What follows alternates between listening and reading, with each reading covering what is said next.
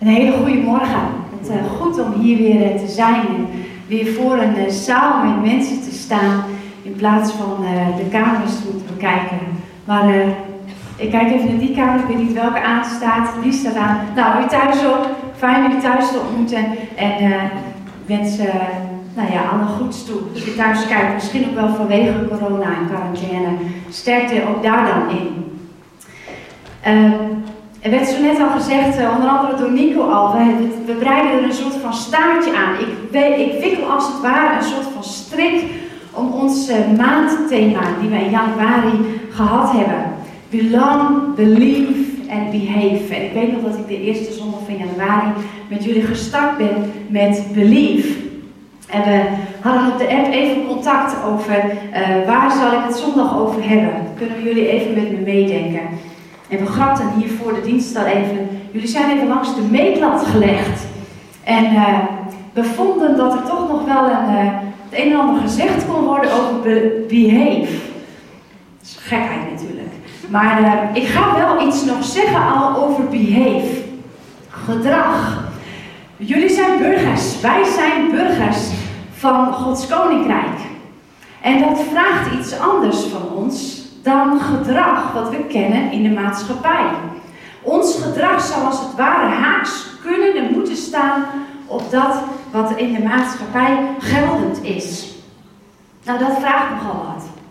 Dat betekent dus ook dat dat wat ik hier vanmorgen ga zeggen niet uit de boekjes komt die je in de reguliere boekwinkels kunt vinden. Of die uit reguliere trainingen komen. Of die uit reguliere gezondheidszorg misschien wel komen. Want de wetten van Gods koninkrijk staan haaks op onze natuur, op onze eerste gedragingen. Ik wil vanmorgen met jullie drie dingen eigenlijk delen.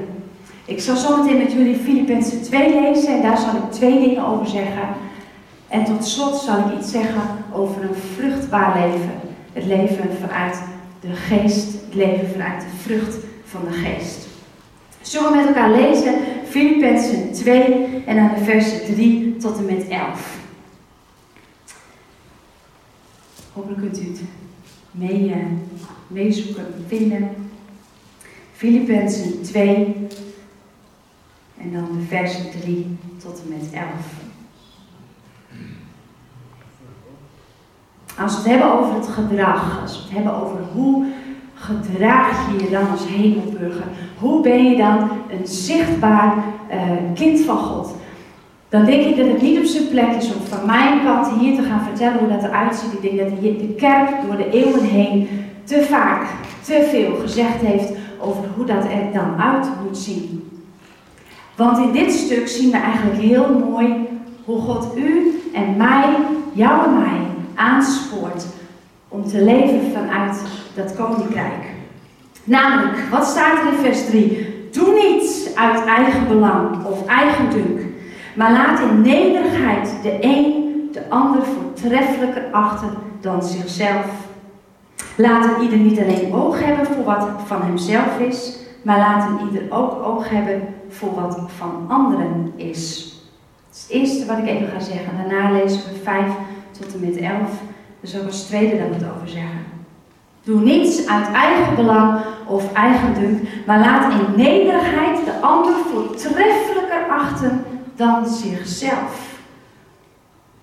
Niet minachten staat hier eigenlijk. Stop met het minachten. Een tijd terug stond er in de psychologie, psychologie magazine, een artikel over minachting. En dus als je een relatie wil laten mislukken, als je een vriendschap wil laten uitdoven, als je een huwelijk kapot wil maken, moet je starten met minachten. Dat is de sleutel naar elke vernietiging. Ga beginnen met minachten. Als je je vriendschap wil verbreken, als je je werkrelatie wil verpesten, of als je je huwelijk naar de uh, knoppen wil helpen. Want een minachting is een, is een basis waarop eigenlijk alle liefde doodslaat en alle liefde kapot gaat. Op dat moment is er geen respect meer voor de ander. En is er alle ruimte om jezelf te overschatten, jezelf hoger te achten en jezelf voortreffelijker te achten dan een ander. Hendrik en ik hebben in de beginjaren van ons trouwen, ik denk dat we zo tussen de vijf en de tien jaar getrouwd waren, eh, een aantal keren cursussen gegeven over het huwelijk. Nou, terugkijkend denk ik wat grappig, want we waren eigenlijk groentjes in het huwelijk. Maar we, we, gingen wel mee op pad. En uiteraard niet vanuit en zo moet het en zo moet het. Maar wel van dit is wat we zelf tegenkomen. En een van de sleutels voor een huwelijk, we zijn inmiddels 17 jaar getrouwd. En zoals het er nu voor staat, plakken we daar heerlijk nog 17 jaar aan vast.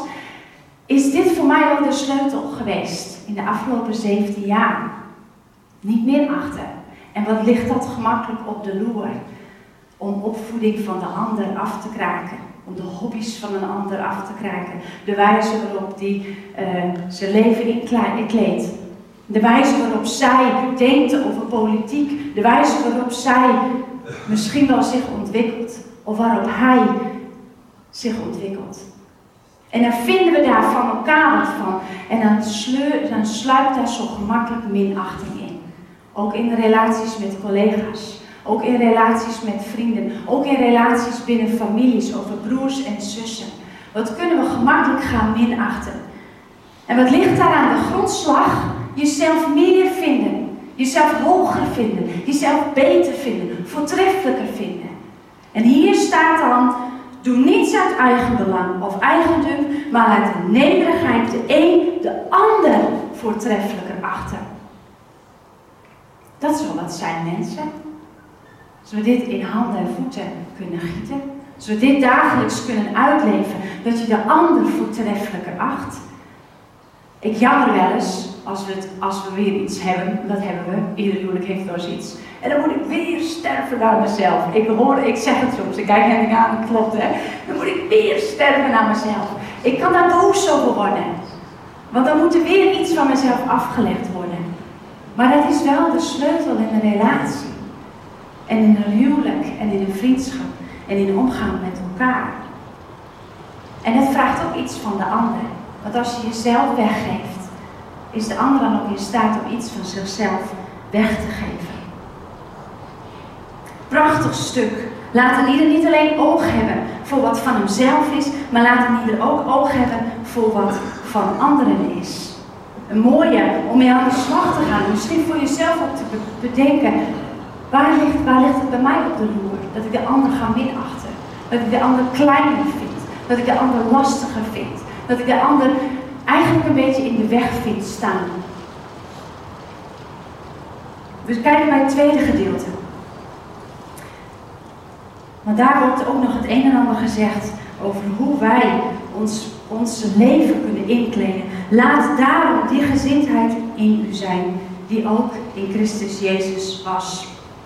Die, terwijl hij in de gestalte van God was, het niet als een roof beschouwd heeft aan God gelijk te zijn, maar zichzelf ontledigd heeft door de gestalte van een slaaf aan te nemen en aan mensen gelijk te worden.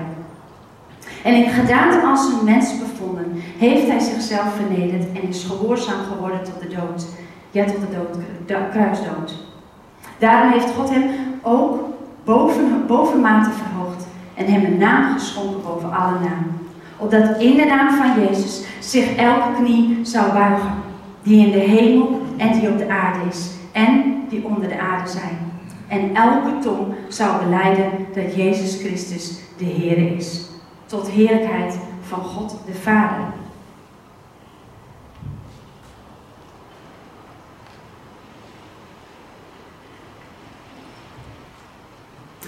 We gaan proberen een illustratie weer te geven wat hier plaatsvindt.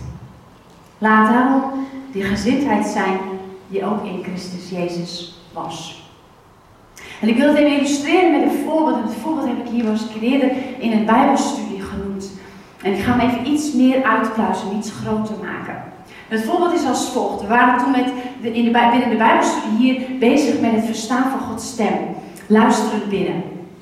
En uh, ik ben daar natuurlijk ook onderzoekend in, maar al jaren terug heb ik een keer dit voorval meegemaakt. We woonden destijds hier op de Oude Ambacht, echt vlakbij op de flat. Twee hoog. En uh, ik was aan het afstuderen op het moment dat dit plaatsvond. En dat betekende dus dat ik heel veel achter de computer zat. En dus ook met regelmaat ijsbeerde door de kamer. En met regelmaat ook uit het raam staarde. Zoals dat gaat bij afstuderen en je er niet uitkomt.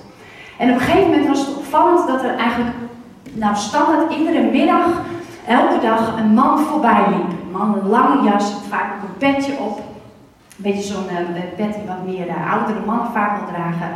En uh, hij liep daar dan met boodschappen. En als hij dan de weg over wilde steken, dan zette hij de boodschappen altijd even neer. En dan wachtte hij even. En dat was opvallend voor mij, het was precies recht voor ons raam. En dan pakte hij de tassen weer op en dan stak hij de weg over en dan ging hij weer verder. En dan keek ik zo uit het raam en was hij uit mijn zicht. En dan ijsbeerde ik weer verder of dan frustreerde of werkte ik mij, bloedde ik mij weer verder.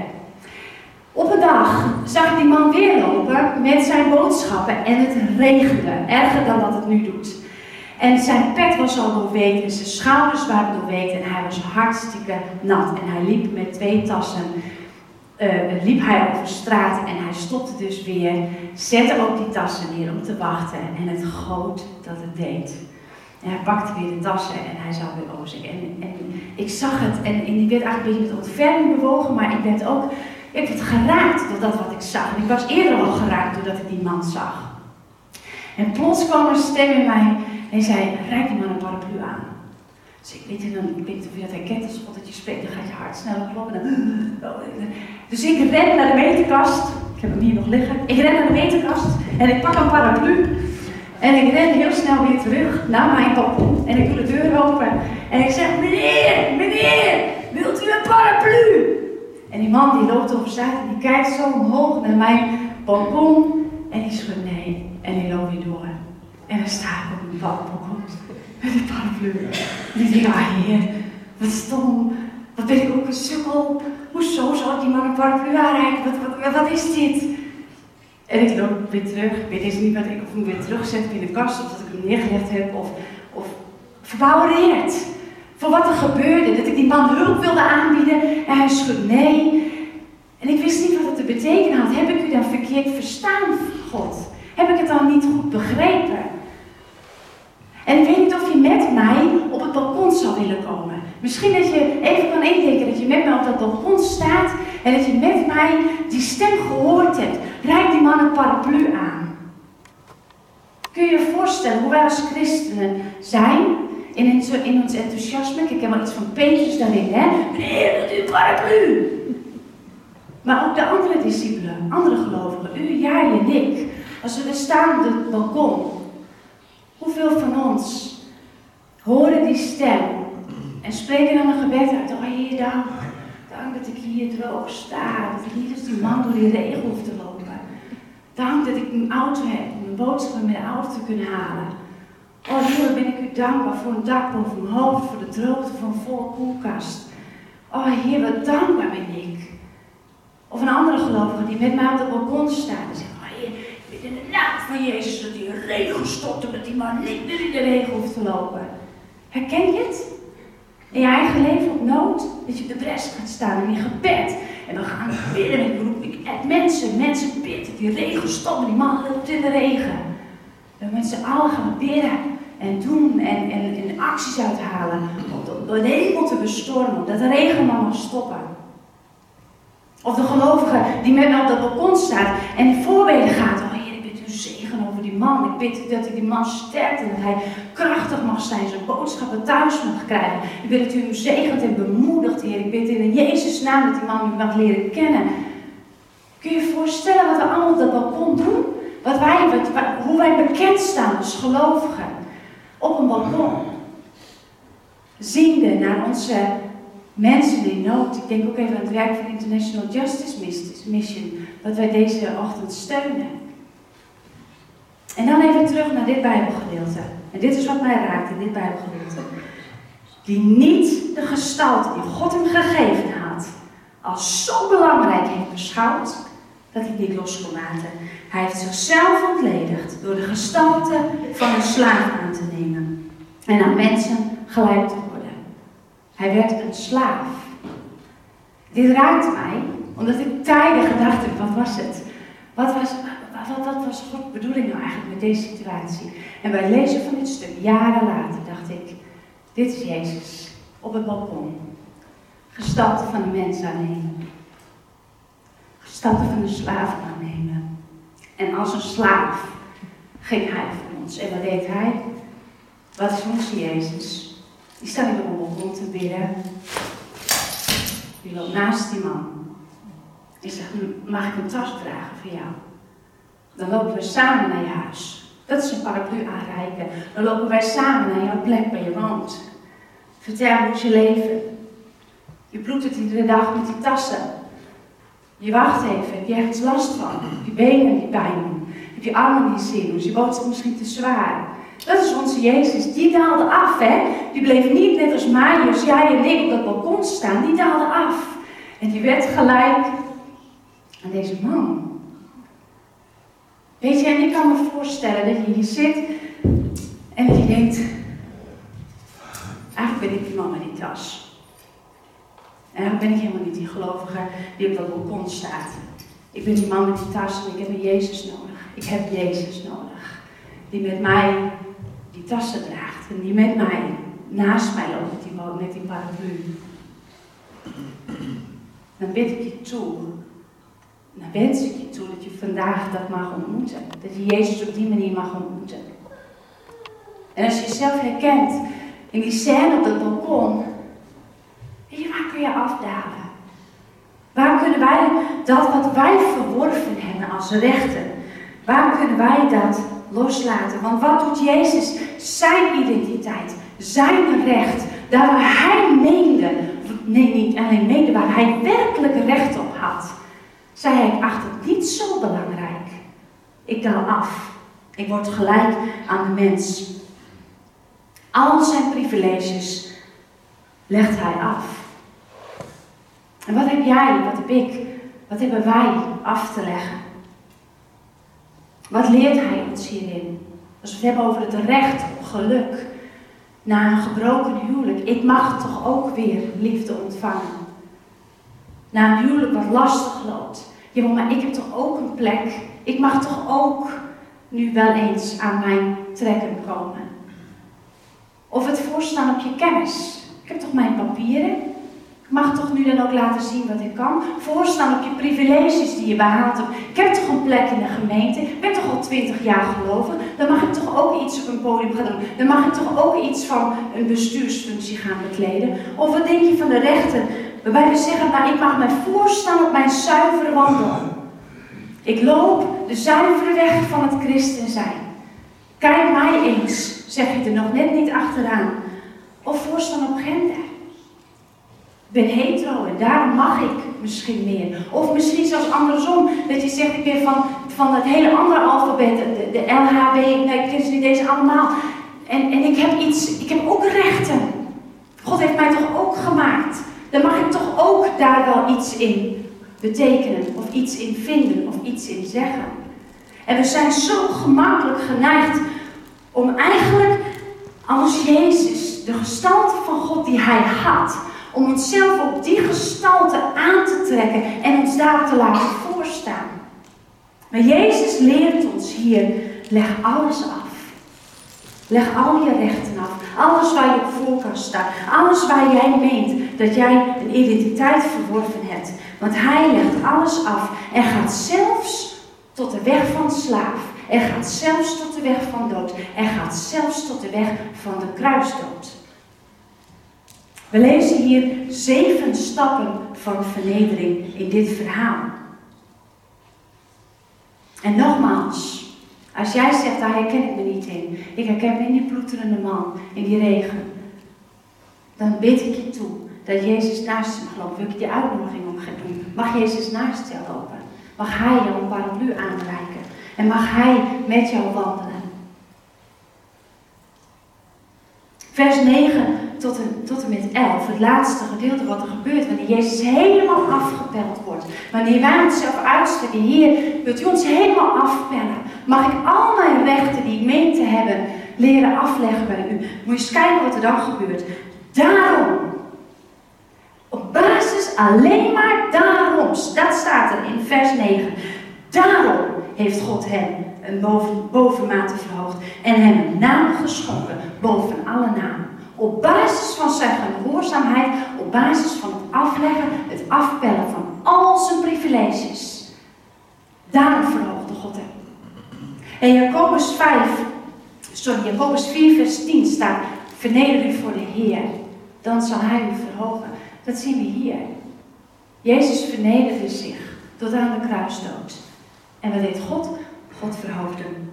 Eerste plaats schenkt hij mijn naam, of heeft hij een boter bovenmate verhoogd. Tweede plaats heeft hij mijn naam geschonken boven alle namen. De derde plaats, opdat in die naam elke knie zou buigen. In de hemel, op aarde en onder de aarde. En tot slot, stap 7 van verhoging. Elke tong beleidt dat Jezus Christus de Heer is tot heerlijkheid van God de Vader. Als jij jouw privileges, als ik mijn privileges afleg, gaat God mij verhogen. Gaat God jou verhogen. Als we onze rechten kunnen afleggen, mede waar we het op kunnen voorstaan, zodat we kunnen loslaten, gaat God ons verhogen. Verhoogt Hij ons. Het koninkrijk van God heeft geen aardse wetten. Dit vind ik niet bij mijn collega's.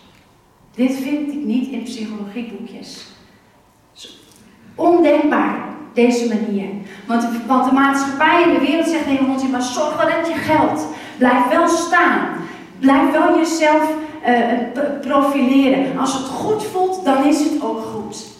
Maar hier staat dat Jezus ons leert, het gaat niet om goed voelen. Het gaat niet om jouw privileges. Het gaat niet in de eerste plaats om jou. Maar leg alles af want dan zal God je kunnen verhogen.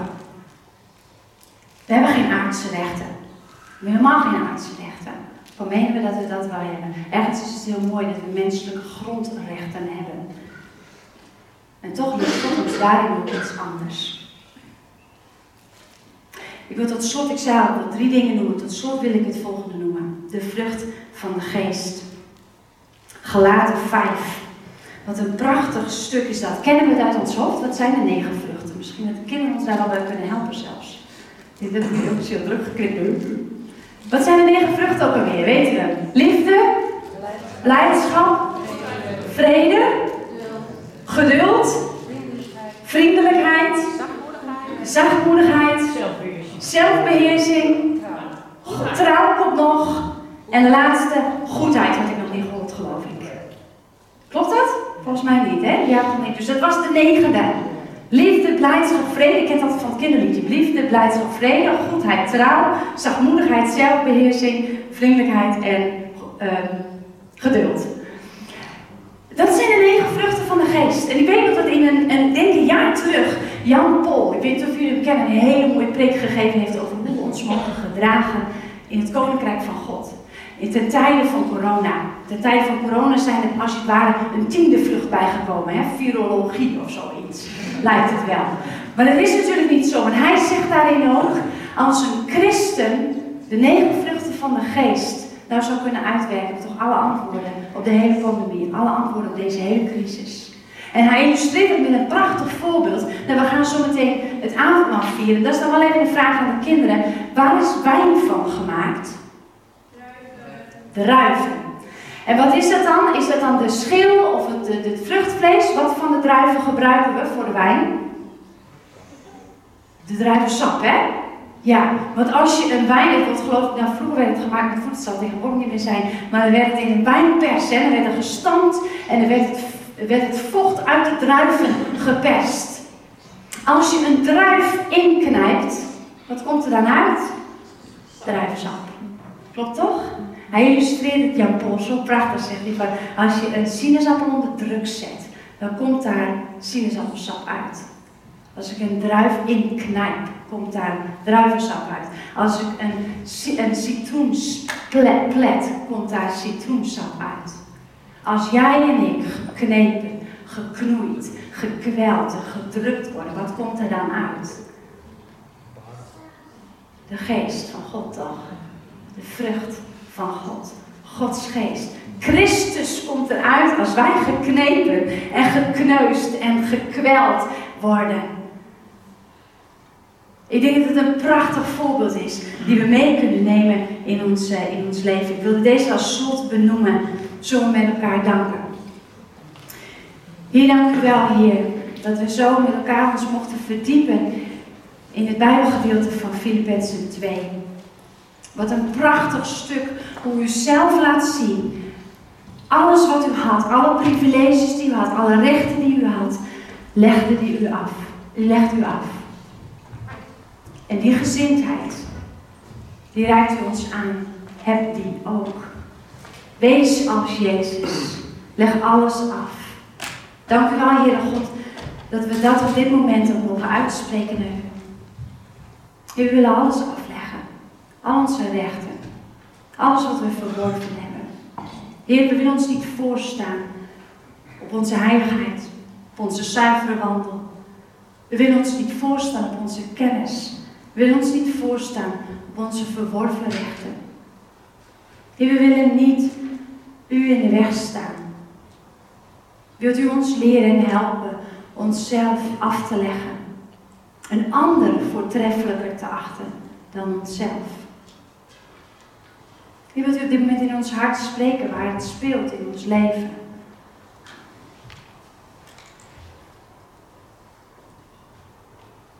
Heer, en zo wil ik ook bidden voor degenen die hier zitten en zich herkennen in het verhaal van de man die ploetert. En van tijd tot tijd herkennen we ons allemaal misschien wel in die ploeterende situatie. Waarbij er regen neerdaalt en er pijn is en worsteling. Heer, en als gelovigen elkaar wel herkennen en, en ervaren dat er voor ons gebeden wordt. Dat we gezegend worden. Dat vanuit het dankbaar hart een zegen over ons uitgesproken wordt. Maar Heer, wat hebben we het vaak nodig? Dat u afdaalt en met ons meeloopt. En voor hen die hier zitten en zeggen, ik heb Jezus nodig die met me meeloopt.